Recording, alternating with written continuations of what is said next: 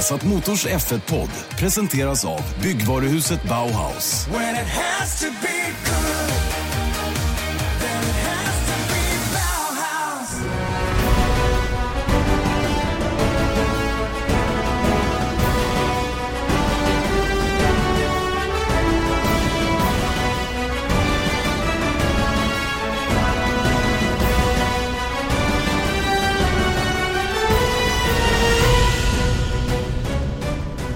Mycket välkomna då till en ny Formel 1-podd. Vi har satt Motors Formel 1-podd som ni nästan varje vecka hör på iTunes, på viasatsport.se eller på Acast. Det blev ju tyvärr ingen förra veckan ifrån Bahrain, lite grann av tidsskäl till största delen. Eh, och eh, det behöver vi givetvis om ursäkt för. Vi, ska ha, vi har ambitionen att försöka sända en podd varje vecka men det kommer kanske inte att klaras varje gång. Eh, nu när jag är tillbaka på hemmaplan igen så funkar det alldeles utmärkt och eh, jag sitter idag på en redaktion som jag aldrig har varit på tidigare faktiskt, uppe hos Expressen. Eh, Jan-Erik Berggren, du som du är redaktör för allt om bilar på Expressen, är det så? Ja, det stämmer bra och jag har huserat här kan man säga sedan 97 när jag började gå in i de här lokalerna. Du har hållit på med, med det lika länge som jag har hållit på med Formel 1? Ja, jag började på sportredaktionen och ritade sportsidor och sen skrev motorsport. Mm. Ganska snabbt och många år efter det. Och idag har du bjudit in mig till Expressens nya fina redaktion. Jättefin är den verkligen. Ja, vi har, byggt, vi har byggt om ganska mycket nya fina mattor och eh, du fick ju se våra allra nyaste tv-studios. Två nya studior. Där vi ska sända jättemycket saker. Men vad då ska ni konkurrera med oss alltså? Ja, vi sänder ju redan eh, mål från Allsvenskan. Tillsammans Oj. med Simor. Just det. Ehm, det kom, och det sänds ju jättemycket nyhets-tv såklart. Det man får inte säga Simor när det står så här på nej, nej, förlåt. ett annat. Ett annat kabel-tv-bolag eller vad heter det? Betal-tv-bolag. Nej, men det är kul att, att eh, Expressen är med på banan givetvis. Och i din egenskap av allt om bilar-redaktör så är det ju alltid intressant att prata Formel 1, vilket vi givetvis ska göra då i, i dagens podd, precis som vanligt. Du var med en sväng förra året. Eh, vi pratade lite grann om eran bevakning den gången. Tycker du att den har blivit bättre sen vi pratade senast? Jag tycker kanske premiären var bra. Då laddade vi på ganska mycket. Eh, det var inte alls eh, lika mycket i, från Bahrain. Kanske beroende på att det var allsvensk premiär just den helgen. Men jag, jag kan väl tycka att det borde vara, vi borde vara bättre såklart. Ja, vi ska inte dra den diskussionen för det gjorde vi tillräckligt då. Men det, det, det finns alltid, och det är ju inte bara kvällstidningarna som som negligerar Formel 1 eh, på det viset. Då. Men, men, eh, så är det. Och det är ju intresse som styr och kanske också hur redaktionernas intresse ser ut.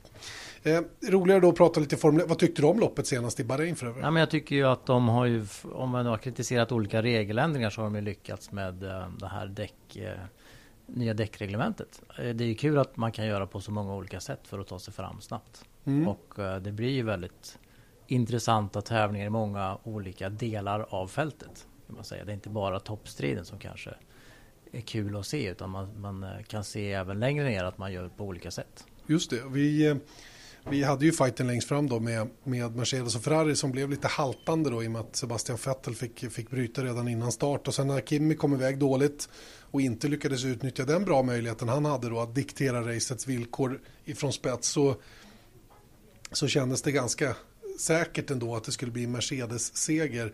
Ehm, ja, vi har inte riktigt fått se den här kraftmätningen mellan Mercedes och Ferrari än. Som vi vill ha riktigt. Det var ju lite struligt premiär och sen nu det här problemen som Ferrari hade då. Men eh, det kommer väl.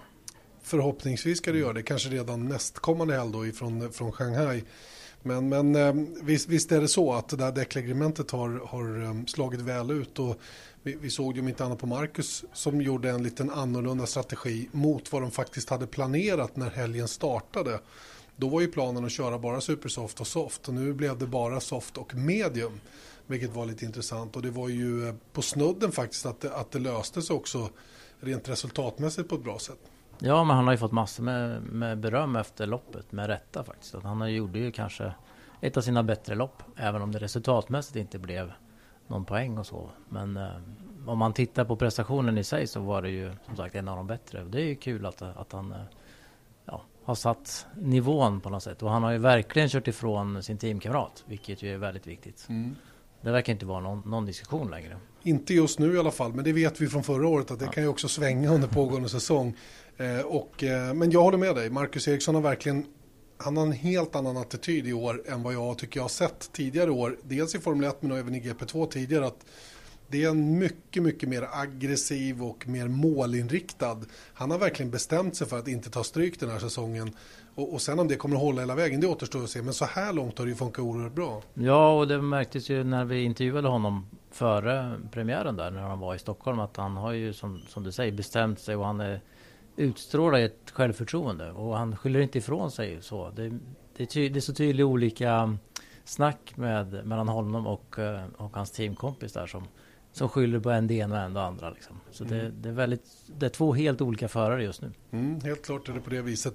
Sen har vi en faktor då som vi måste tyvärr beröra då när vi ändå pratar Sauber och Marcus Eriksson. Det är ju Saubers ekonomiska situation då som är kraftigt ansträngd skulle man kunna säga då utan att överdriva. Redan då vid den presskonferensen som du tänker på då nere på Viasat där du var närvarande så försökte vi ju fiska fram hos Monisha Kaltenborn hur läget egentligen är och eh, då var det ju eh, rubriken att de inte hade betalat lönerna till de anställda, vilket de sedermera gjorde. Men, men återigen nu då, nu uteblev hon från, från Bahrains Grand Prix och direkt startar ryktena. Mm. Ja, och vi, vi, ställde ju frågor till henne, men hon var ju ganska skicklig då på att uh, hålla undan eventuella problem såklart. Det vill man väl inte skylta med där och då. Men uh, som vi har förstått så pågår den, och det har man nog pågått under en längre tid, jakt på mer pengar in. Om det nu kanske är en ny stor sponsor eller om det är något annat ägarskap, det får vi väl se. Vi, vi vet ju inte så mycket mer än alla de rykten som florerar. Nej, och det, jag får ju givetvis mycket frågor eftersom mm man anar att jag kanske har lite mer information än många andra men att vi jobbar nära teamet och inte minst då med den roll som Eje har som rådgivare till Marcus. Då. Men, men det är faktiskt så att vi vet ju ingenting heller. Utan det enda, det enda som vi vet rent faktamässigt är att ekonomiska situationen i Sauber är ansträngd. Monisha Kaltenborn var inte i Bahrain. Eh, vi fick ingen bekräftelse på varför hon inte var i Bahrain men det är mycket troligt att hon hade annat att göra då som berör teamets framtid. Eh, eftersom... Men vet du, det, det en, en påtaglig sak är ju om de kommer till start nästa lopp. Vet du, vet du något mer där? Nej, det enda som, vi, vi fick inga sådana indikationer på att de inte skulle åka i, i Shanghai. Och det är ju många som har skrivit om det här. Men jag, jag vet ju samtidigt hur det här fungerar inne i depån och hur ett sånt här rykte kan starta väldigt, väldigt snabbt. Det är inte bekräftat från någon utan det blir liksom viskleken. Va? Ja. Några börjar prata med varandra och sen slutar det med att någon drar egna slutsatser och helt plötsligt så finns inte teamet längre. Så, så att jag tror man får vara väldigt, väldigt försiktig med vilka källor man litar på i det här läget i alla fall när det gäller just de här bitarna. Det var ju precis samma sak när, när Caterham hade problem. Det var många mm. som trodde och tyckte saker. Och... och det här med um, Alfa Romeo som eventuell uh, nytt märke och delägare eller ja, något slags inflytande över Sauber-teamet kan man ju diskutera. Det poppar ju upp med jämna mellanrum. Det är, ja. väl, det är väl Audi och Alfa Romeo som är de bilmärkena som, som oftast förknippas med Formel 1.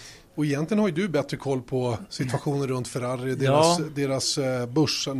De introducerade ju Ferrari på börsen och de har ju sitt samarbete med Chrysler där som, som gör att marknaden i USA är väldigt viktig och det är mycket därför det Haas-teamet har kommit till. För att de vill liksom ja, bygga Ferrari i USA och på sikt även Alfa Romeo. Alfa Romeo har haft jätteproblem i många år. De står inför en ny bilmodell som ska lanseras. Den skulle ha kommit förra året rejält. Den blev försenad på grund av produktionsproblem och sen um, ska den nu visas. Jag ska provköra den här i, i uh, maj tror jag. Den här Alfa Romeo Giulia. Och den blir då plattform för en rad nya bilar liksom. Och den är jätte, jätteviktig. De har ju försökt rädda Alfa Romeo så här, fyra, fem gånger eh, Fiat-koncernen och, och, nu, nu säger man igen att det här är sista chansen om man har stora planer för Alfa Romeo. Så visst skulle en koppling till Formel 1 vara vettig, men varför inte då med Haas-teamet kan man säga. Och varför gjorde man inte redan då med ja. Haas-teamet när planerna för det togs då för två år sedan. Visserligen har det ju hänt en del under resans gång, men jag, jag vill in lite på samma. Ska verkligen Ferrari ligga bakom tre Formel 1-team i depån och, och på ett ganska ingående sätt också så om, ja. om det här skulle stämma. Jag kan, en anledning, nu Mark Jonne som är chef där är inte så lätt att förespå heller. Men jag kan tänka mig att man inte ville skapa ett, um, ett Alfa Romeo utan man ville ha en tydlig amerikansk koppling till ett uh, stabilt amerikanskt team. Så att säga, med, med tydligt teamnamn som alla känner igen i USA. Men man kunde ju ha satt Alfa Romeo under huven. Men, um, sen får vi ju se då om det, vad det leder till den här gången. Mm. Audi tror jag då, nog var väldigt, väldigt nära för den här dieselskandalen. Det tror jag verkligen och uh, just kopplingen till Red Bull var ju tydlig. Men det verkar vara kört nu för många år framöver i alla fall. Som det ser ut för närvarande. Hej, jag Ryan Reynolds. At Mint Mobile, we like to do the opposite of what Big Wireless does. They charge you a lot, we charge you a little. So naturally, when they announced they'd be raising their prices due to inflation, we decided to deflate our prices due to not hating you. That's right. We're cutting the price of Mint Unlimited from $30 a month to just $15 a month. Give it a try at mintmobile.com slash switch. $45 upfront for three months plus taxes and fees. Promote for new customers for limited time. Unlimited more than 40 gigabytes per month. Slows. Full terms at mintmobile.com. Spring? Is that you? Warmer temps mean new Allbirds styles. Meet the Superlight Collection, the lightest ever shoes from Allbirds, now in fresh colors. These must have travel shoes have a lighter than air feel and barely their fit that made them the most packable shoes ever. Plus, they're comfy right out of the box. That means more comfort and less baggage. Experience how Allbirds is redefining comfort. Visit allbirds.com and use code SUPER24 for a free pair of socks with a purchase of $48 or more. That's A L L B I R D S.com, code SUPER24. Det är också saker som kan förändras hela tiden. Men om vi kryper ner, krymper ner där lite grann igen och kommer tillbaka till det Alfa Romeo och just Sauber så, så eh, i alla fall det som jag har lyckats luska rätt på att det är väldigt lite som talar för att just den storyn stämmer just nu. Jag tror att det är andra, andra lösningar och jag tror framförallt att man jobbar väldigt, väldigt hårt på att hitta en långsiktig lösning som gör att teamets framtid över flera år är säkrad och kanske också får en mer hälsosam plattform att stå på. Just nu känns det som att de har så mycket skulder så att de har så, oavsett hur mycket intäkter de har så, så fyller man bara tomma hål. Man ja. kommer liksom inte framåt på något nej. sätt. Uh, nej, och det är väl för Marcus del skulle det verkligen behövas en stabil, ett, en stabil miljö och fortsätta utvecklas i. Man kan ju bara hoppas att han får någon, att det blir någon slags koppling med, med ja, med Ferrari eller Renault eller med Mercedes eller någon. Mm. någon liksom. Så det finns en väg framåt. Det var ingen dålig reklam i söndags i alla fall, det kan vi konstatera. Nej, och som sagt igen, han fick ju massor med beröm och, och det är kul att de väljer att visa de fighterna som är lite längre ner. Absolut, och faktum är att det har varit några gånger som just Sauber har varit inblandad i den fighten. Jag vet inte om det är en tillfällighet att man har hakat fast vid just den då. Det var ju främst under fjolåret. Jag tyckte det nya kvalsystemet som, som var så kritiserat. Jag tyckte i alla fall Q1 och Q2 så fick ju många av de här mindre stallen ganska mycket tv-tid. Mm. De syntes ju mer än vad de brukar göra. Kul att du nämner det nya kvalformatet. Ingen annan. vad, ty, du, vad, tycker du om det, alltså rent ärligt? Nej, men jag tyckte väl Q1 och Q2 funkade ju just därför att man fick se flera olika aktörer, alltså flera team och flera förare som blev intressanta snabbare. Sen var det väl, som många har sagt, ett problem där med däcken att de inte, ja, de räcker ju inte till liksom. Så eh, de, de kommer ingen vart i alla fall. Även om de kommer in i Q2 så har de inget där att göra kanske. Nej, de Sen var ju Q3 en katastrof såklart. Ja, och, och även Q2. Sex minuter. En ja. bil körde de sista sex minuterna utav Q2. Jag menar, så får det inte vara. Nej. Då har man ju totalmissat hela grejen. Och det är ju det är ju du tydlig med och även Eja mm. varit tydlig med att om det här ska fungera överhuvudtaget så måste det, då måste det göras eh, tillgängligt fler sätt däck. Och det finns olika sätt att göra det på. Det kanske mm. är så att man har en, en kvalallokering helt enkelt. Jag vet att Marcus Eriksson och jag pratade om det nere i, i, i Bahrain och då sa han varför inte komma tillbaka till det här gamla shootout-kvalet. Alla har varsitt varv och sen har man tiderna från sista träningen som bestämmer startordningen för hur man kör ut. Mm. Den som var snabbast på FP3 åker sist i, i, i kvalkörningen och så har man varsitt varv. Alla skulle spara på det. Du spar mm. däck, du spar motorer och alla får sin stund i rampljuset att säga. Mm. Och, och, det är ju ett kvalformat vi hade tidigare som jag tyckte mycket bra om.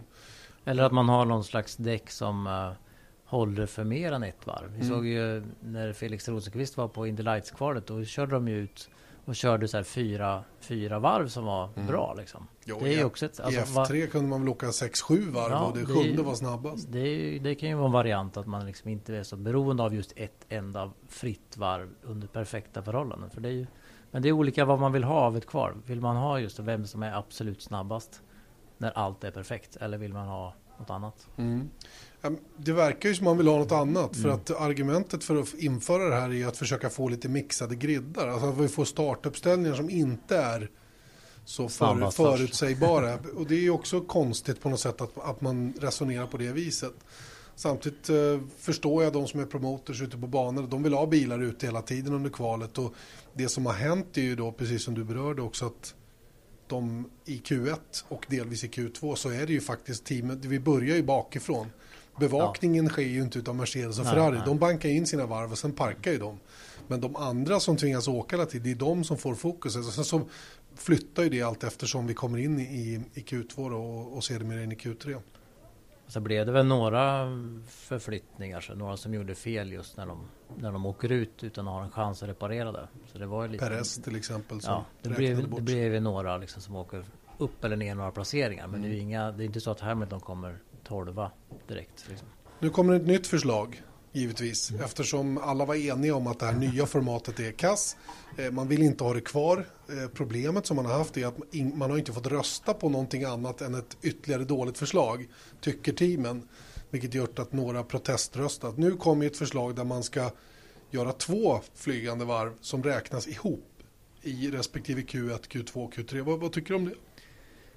Ja, det är väl kanske bra att man fortsätter att försöka. Det är väl svårt att liksom helt analysera exakt vad det betyder för varje team och förare. Men, eh, eh, nej, men det blir väl något annat då än att vara snabbast i under perfekta förhållanden. Så det kan ju vara, det kan vara ett sätt. Men sen är det ju underligt så här om man tittar på det utifrån. Om nu både förare och team vill en sak, varför kan de inte få det?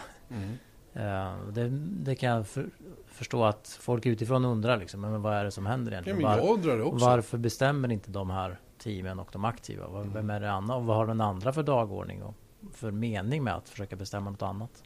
Ja, vad, vad, och varför är Jean Tott så oerhört emot att faktiskt bara backa på ett dåligt mm. beslut? Så mycket, det är klart att jag förstår att det är mycket prestige i den här sporten och man bevakar sina positioner, men för mig är det så enkelt beslut och bara, ja men vi kör 2015, sorry, det var bra. Ja, och tänker till igen och mm. sen kanske provar något nytt framåt sommaren eller senvåren. Liksom. Ja, eller aldrig. Eller, nej, eller, nej precis.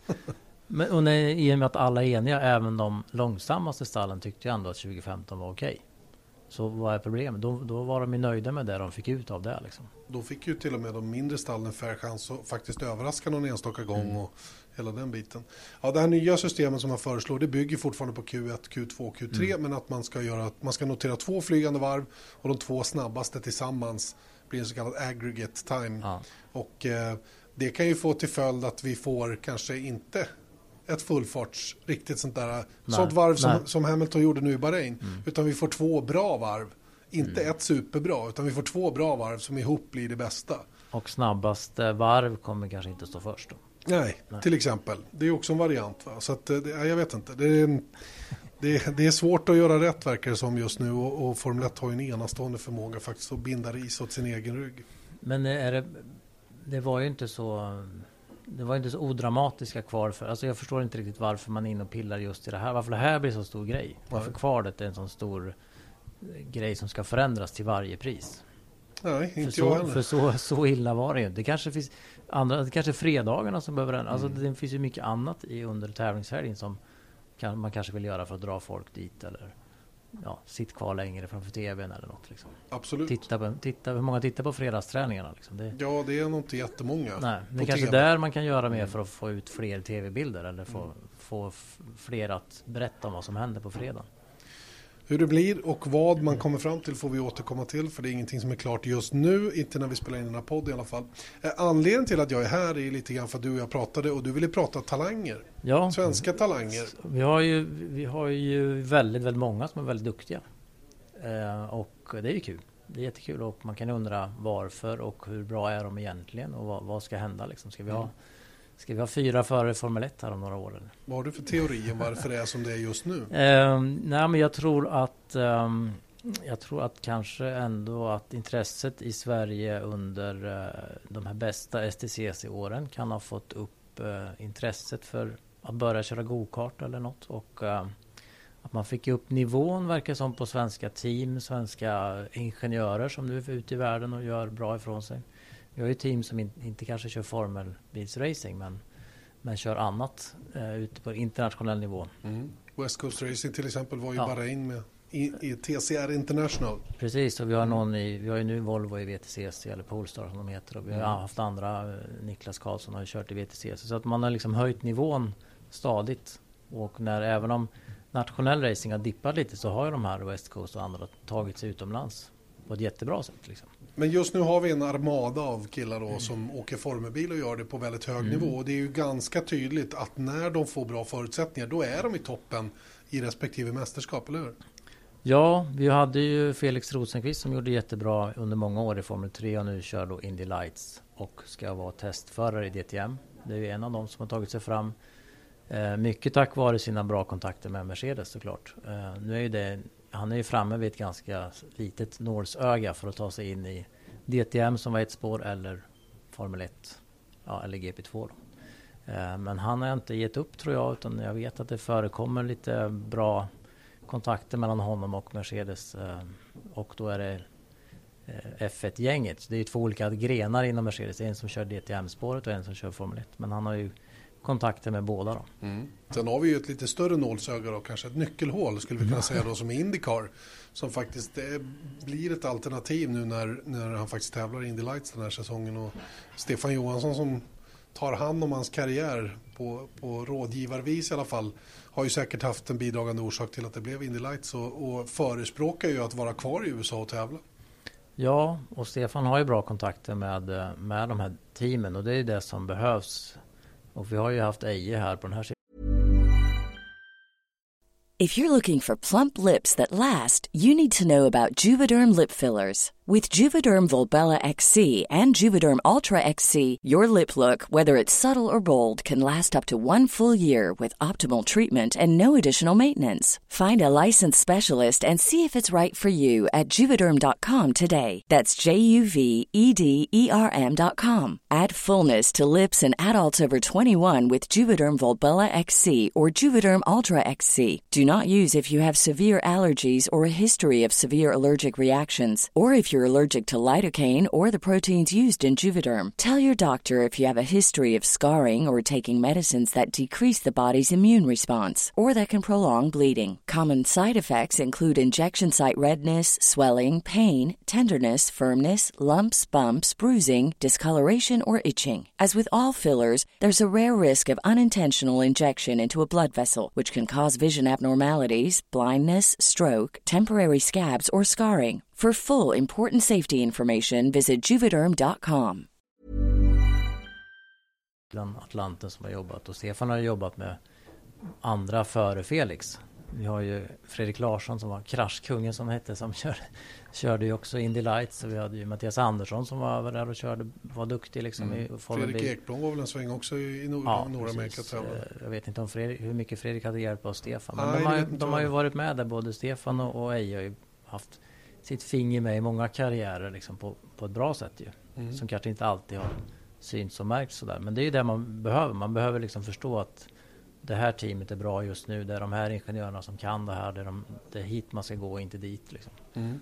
För det varierar ju lite. Liksom. Det räcker ju att en duktig ingenjör flyttar så är det plötsligt ett toppstall i, i mitten. Så. Och speciellt i enhetsserier som Indycar och Indy Lights är då. Eh, bakom Felix då som, som, som kör som sagt Indy Lights och, och som begick eh, ovalpremiär. Det var en tuff premiär för honom. Jag uppfattade det som att han tyckte det var knepigt ja. och han var ju också långsammast av de som tog sig mål. Och det är klart att det där var ju en, en eh, det var ju mer en erfarenhet än ett försök till att, att vara med i toppen. Det, det får man väl inse. Sen annars är ju hans styrka som jag har förstått det att han har ju varit snabb i allt han har kört väldigt snabbt. Alltså han får, man, man får ju ofta bara en liten chans att visa vad man kan och det har han lyckats göra eh, väldigt bra tidigare. Så att det här var väl liksom kanske första gången han började långsamt och lära sig mer. Då. Mm. Eh, utanför Felix, eller vid sidan av Felix, så har vi Gustav Malja då som eh, kommer att köra GP2-premiär här i samband med Spaniens Grand Prix då GP2 startar sitt mästerskap. Gustav som eh, relativt tidigt var klar för Rapax eller Rapax-teamet som han kommer att köra för då tillsammans med fransmannen Arthur Pick. Um, Gustav som kommer ifrån en formelbilskarriär dessförinnan som kanske inte är så merittyngd egentligen men han, eh, han börjar ju nu på att bli lite utbildad i alla fall. Han har ju inte alls samma bakgrund som Marcus Eriksson hade innan han kom till GP2 som, som var extremt välutbildad, testat mycket, mm. vunnit mästerskap. Gustav har en liten annan bakgrund. Ja, men han har ju ändå tagit sig fram och tagit nästa steg när det, när det har varit dags på något sätt. Eh, och om han har betalat sig in eller hur han har tagit sig framåt, det, det vet väl bara han själv. Men eh, nu börjar han göra fina resultat. Han var ju riktigt snabb på, på ett, en test här nu. En test är alltid test som det heter, men, men eh, vi brukar ju dra andra slutsatser andra gånger, så varför inte glädjas då när det går bra för honom. Eh, nu har han ju Rickard som coach, som jag tror också är jättenyttigt. Eh, bara för att förstå det här med när man ska göra vissa saker och vad som är viktigt och vad man ska fokusera på. Liksom. Ett bollplank som jag tror att alla förare skulle ja, vara väldigt... Eh... Och som vi kanske haft lite för lite av bakåt i tiden. Liksom. Mm. Även som sagt om jag har varit med och haft sitt finger där. Och, och, men det har behövts mer av det. Det är väl jätte, jättebra att de här rävarna nu liksom finns med där i depån.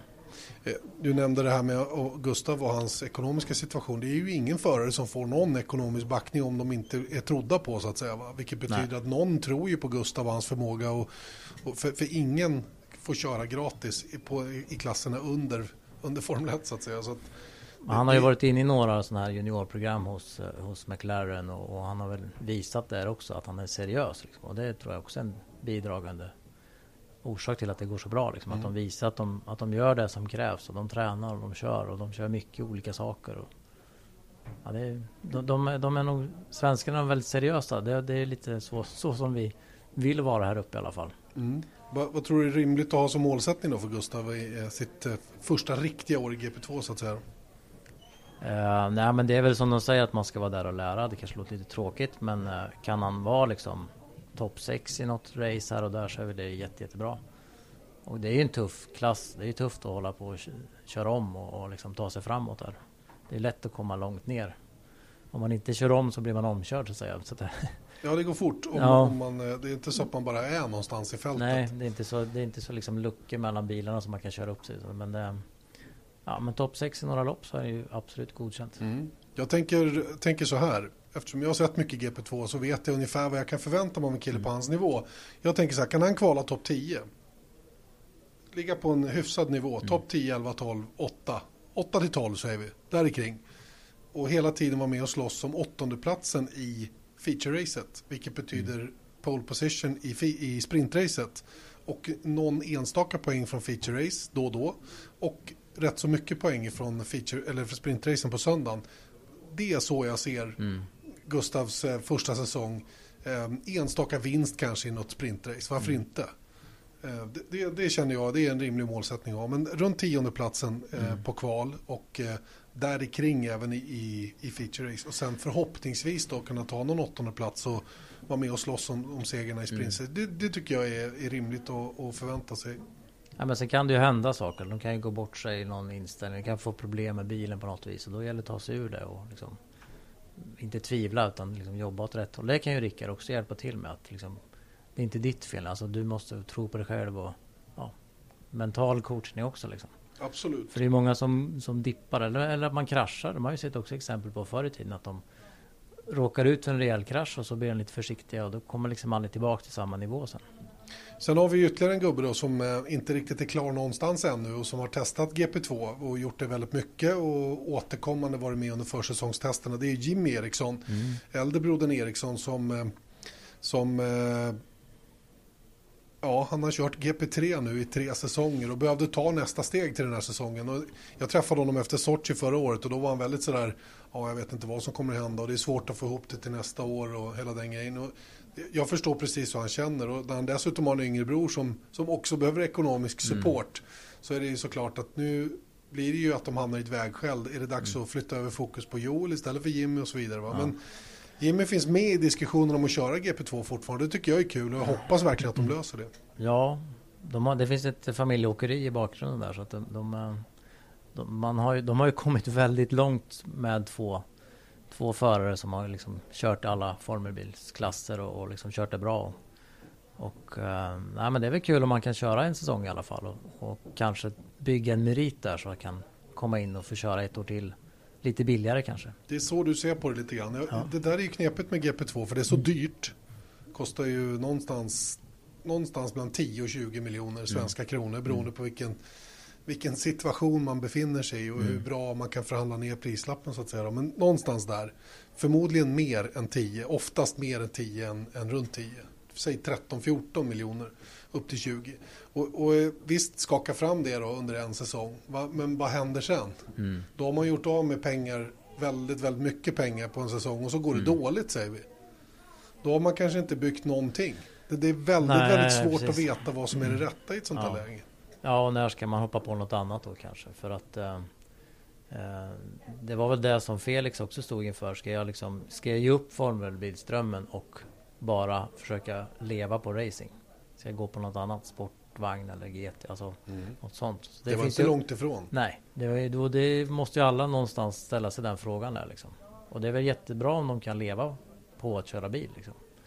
Så att eh, det kanske, men det, jag förstår att, att man är, är man som, som Jimmy så nära det man tycker att här kan jag visa vad jag kan. Då, då ska det nog mycket till att man väljer bort det liksom.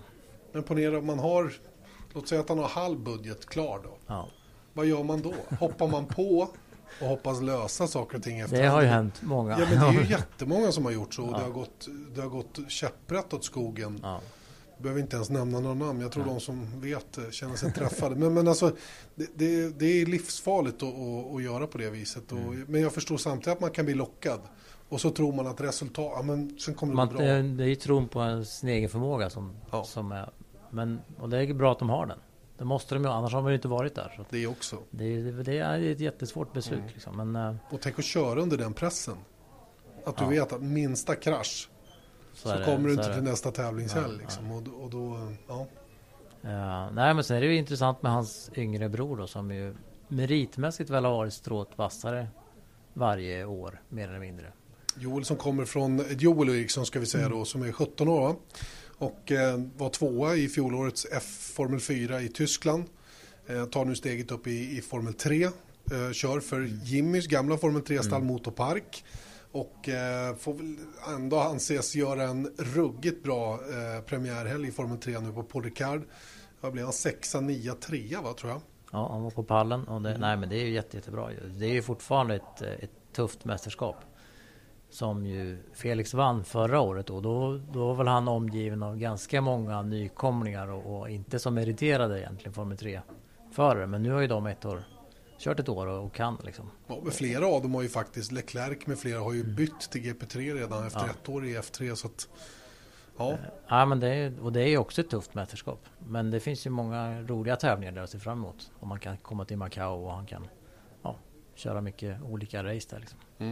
Och Det eh, precis som du kul. sa, Tomelilla bröderna för Tom, ja, de skulle kunna bilda ett eget sportvagnsteam. Jag brukar åka, förbi Tomelilla ganska ofta. De har en gokartbana där utanför. Som man, Tjuvkörare. nej, jag har inte svängt in där. Men sen bor ju han ehm, som körde Porsche, nu kommer jag inte på namnet här när vi sitter. Han bor ju inte långt därifrån. Myggan Ja. Så Okej. bor ju där Just det, just det. borta. Så det finns lite tradition där. Annars är det mycket rallycross där i Mm. Tomelilla.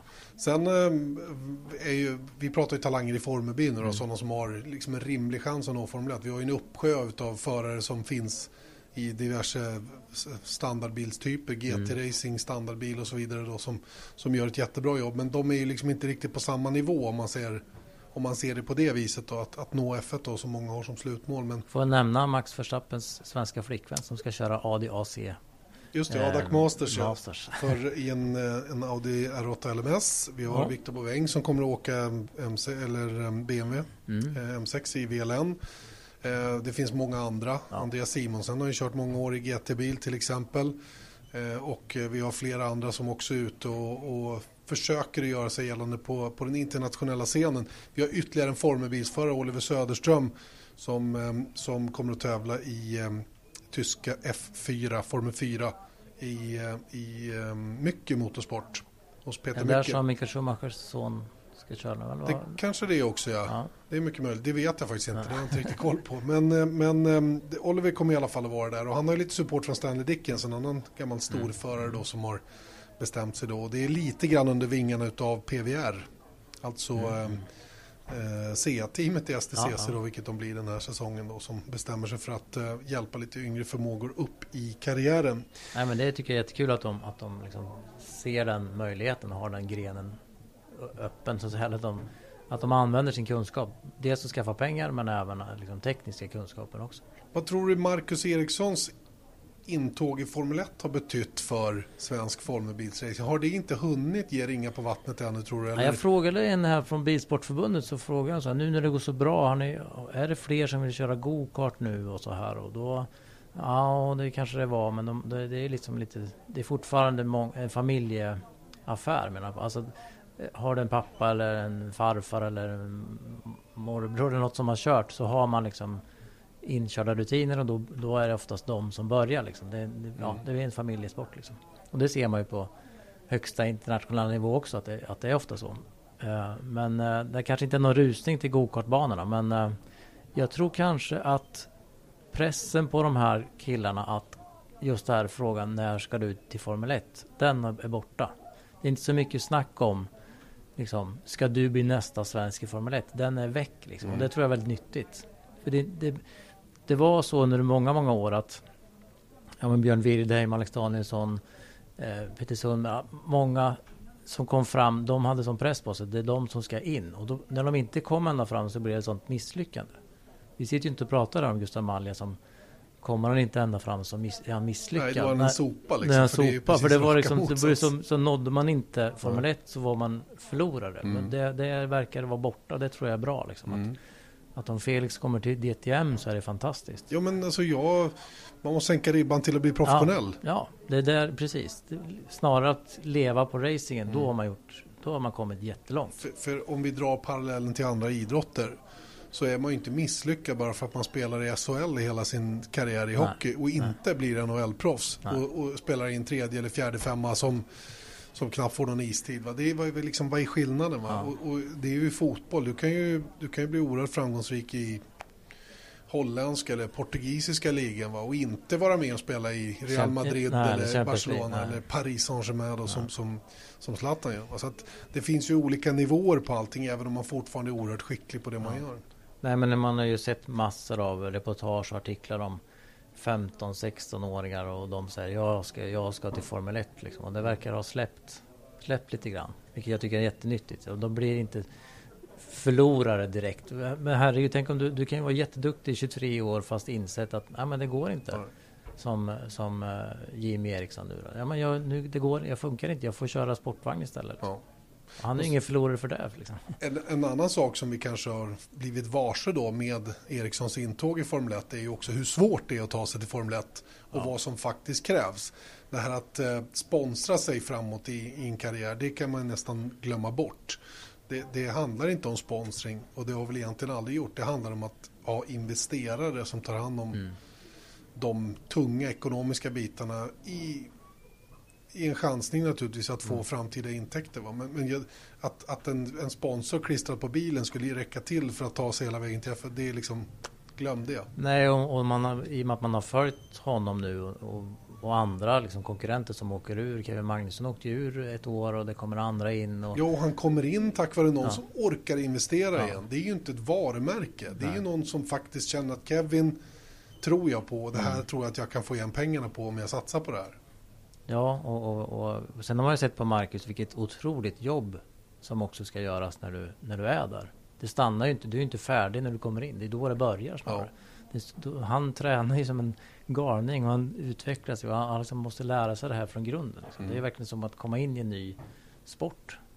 Typ, när man väl är i Formel 1. Det är roligt att du säger det, för jag gjorde en podd förra året med Ben Edwards på, ja, på BBC då, men nu på Channel 4 som kommentator där och han sa det att för honom spelade det ingen roll hur förarna tog sig till Formel 1.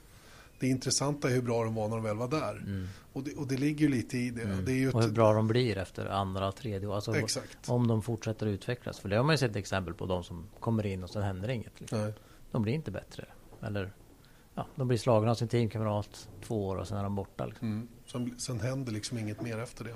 Men det är ju en Valvevar Marcus styrka. Många. Han är ju väldigt lugn och mogen och målinriktad. Så att, eh, det passar ju det här liksom att han, han har tryggheten bakom sig ekonomiskt. Det passar ju liksom att han kan ägna sig åt det här på på sitt sätt. Ja, han är ju anställd av teamet och, Ja. och han, han vet att han har ett kontrakt och, och vad som nu händer framöver med, med Sauber-teamet det får väl framtiden utvisa. va. Men det känns som att han är så pass etablerad nu i alla fall så att man behöver inte vara orolig för, för framtiden på det sättet. Nej, det, är inget, det här är inget som han rår över överhuvudtaget. Liksom. Så det blir väl någon annan. Om inte annat så blir det någon annan ägare. Du, apropå unga talanger, din egen, Min egen framtid. eller hur? Jag ska du är faktiskt... en när vi- het Renault Clio-driver här. Ja, när jag ska eh, faktiskt nästa vecka till Finland, till Rovaniemi och köra mm, Minis eh, Dakar-bil. Jaha, där ser man. Den är ju lite skrämmande. Mm. jag läst, läste på lite om den här bilen och Top Gear har varit där och kört. Kört den där tidigare och det är en riktig, ett riktigt monster att sätta sig i. Det krävdes eh, racinglicens och erfarenhet av att köra tävlingsbilar för att få komma dit överhuvudtaget. Men då är du Så, kvalificerad. precis, det var min, mina Clio-lopp på Solvalla. Är det bara där du har kört? har Nej, du jag, kört kör, jag körde Knutstorp och uh, Gärdråsen. Bara Blir det inte full säsong någon gång? Nej, jag vet inte. Är det om din de- bil? Om, det var jätte, jättekul att köra. Mm. Det är verkligen, det tycker jag är verkligen bra säsong att göra. Mm. Men man ska hinna också. Du, eh, har du kört någon formelbil? Testa på det. Jag körde ju Formel Renault, eh, Pontus Fredrikssons. Fick jag låna och köra på Mantorp. Hur var det? Uh, det är jättekul men man vågar ju tyvärr inte. Jag tror jag körde 5-6 varv. Så man vågar inte riktigt Nej. utnyttja den. Man kommer inte in i det. Men jag körde ju för länge sedan när man började boka skårkurin så fick jag köra någon gammal eh, Formel Ford kanske det var. Så här, som knappt höll ihop på rakt. Den gick inte rakt fram på raksträckan. Jag höll på att köra av mitt på rakan på Gällråsen. Ja, det, är, det är svårt. För det Nästan vinglade, det, var, det vinglade och for över hela banan. Det var så här manuell växellåda och ja, riktigt svårt var det. All right, Jan-Erik Berggren, tack för, för att jag fick komma hit till Expressen. Väldigt imponerande och fin redaktion. Tackar. Välkommen Och, eh, tillbaks. Tack så mycket. Eh, Jag kommer alltid när jag blir inbjuden. Vi kan konstatera då att eh, för att sammanfatta lite grann så, så eh, ekonomin är ansträngd hos Sauber men vad som händer vet vi inte. Eh, Vi tycker inte om det nya kvalformatet och eh, förundras över hur Formel 1 lyckas, och, lyckas att misslyckas hela tiden. Eh, Och att vi tycker att det är kul med eh, den tillväxt på förarsidan som finns i Sverige just nu. Stämmer bra. Det, det ska bli kul när det blir GP2-premiär. Ja, som är om, vad blir det? En och en halv månad tror jag va? Jag har inte datumen i huvudet. Varför börjar de så sent då? De borde väl köra lite mer? Det är ju Spaniens Grand Prix som brukar vara Mm. premiären då. Tidigare har de ju varit i Bahrain också och kört. Men i och med att Bahrain var tidigare lagt i år och det kommer både Kina och Sochi innan. Mm. Sochi trodde jag att de skulle köra GP2 i men det gör man tydligen inte i år. Utan debuterar då först i Barcelona. Mer om detta återkommer vi till i framtida poddar givetvis. Nu säger vi tack och påtrörande och eh, så får vi se då när nästa dyker upp. Jag vågar inte lova att det kommer någon nästa vecka men Ja, vi, gör, sannolikheten är väldigt, väldigt stor i alla fall. vi gör ju en egen podd, Allt om bilar-podden och det är samma problem där. Att vi ska vara på samma ställe två personer. Ja, så Ja. är det. Lycka till med det. Vi Tack hörs. Vi hörs. Hej! Vesat Motors F1-podd presenterades av byggvaruhuset Bauhaus.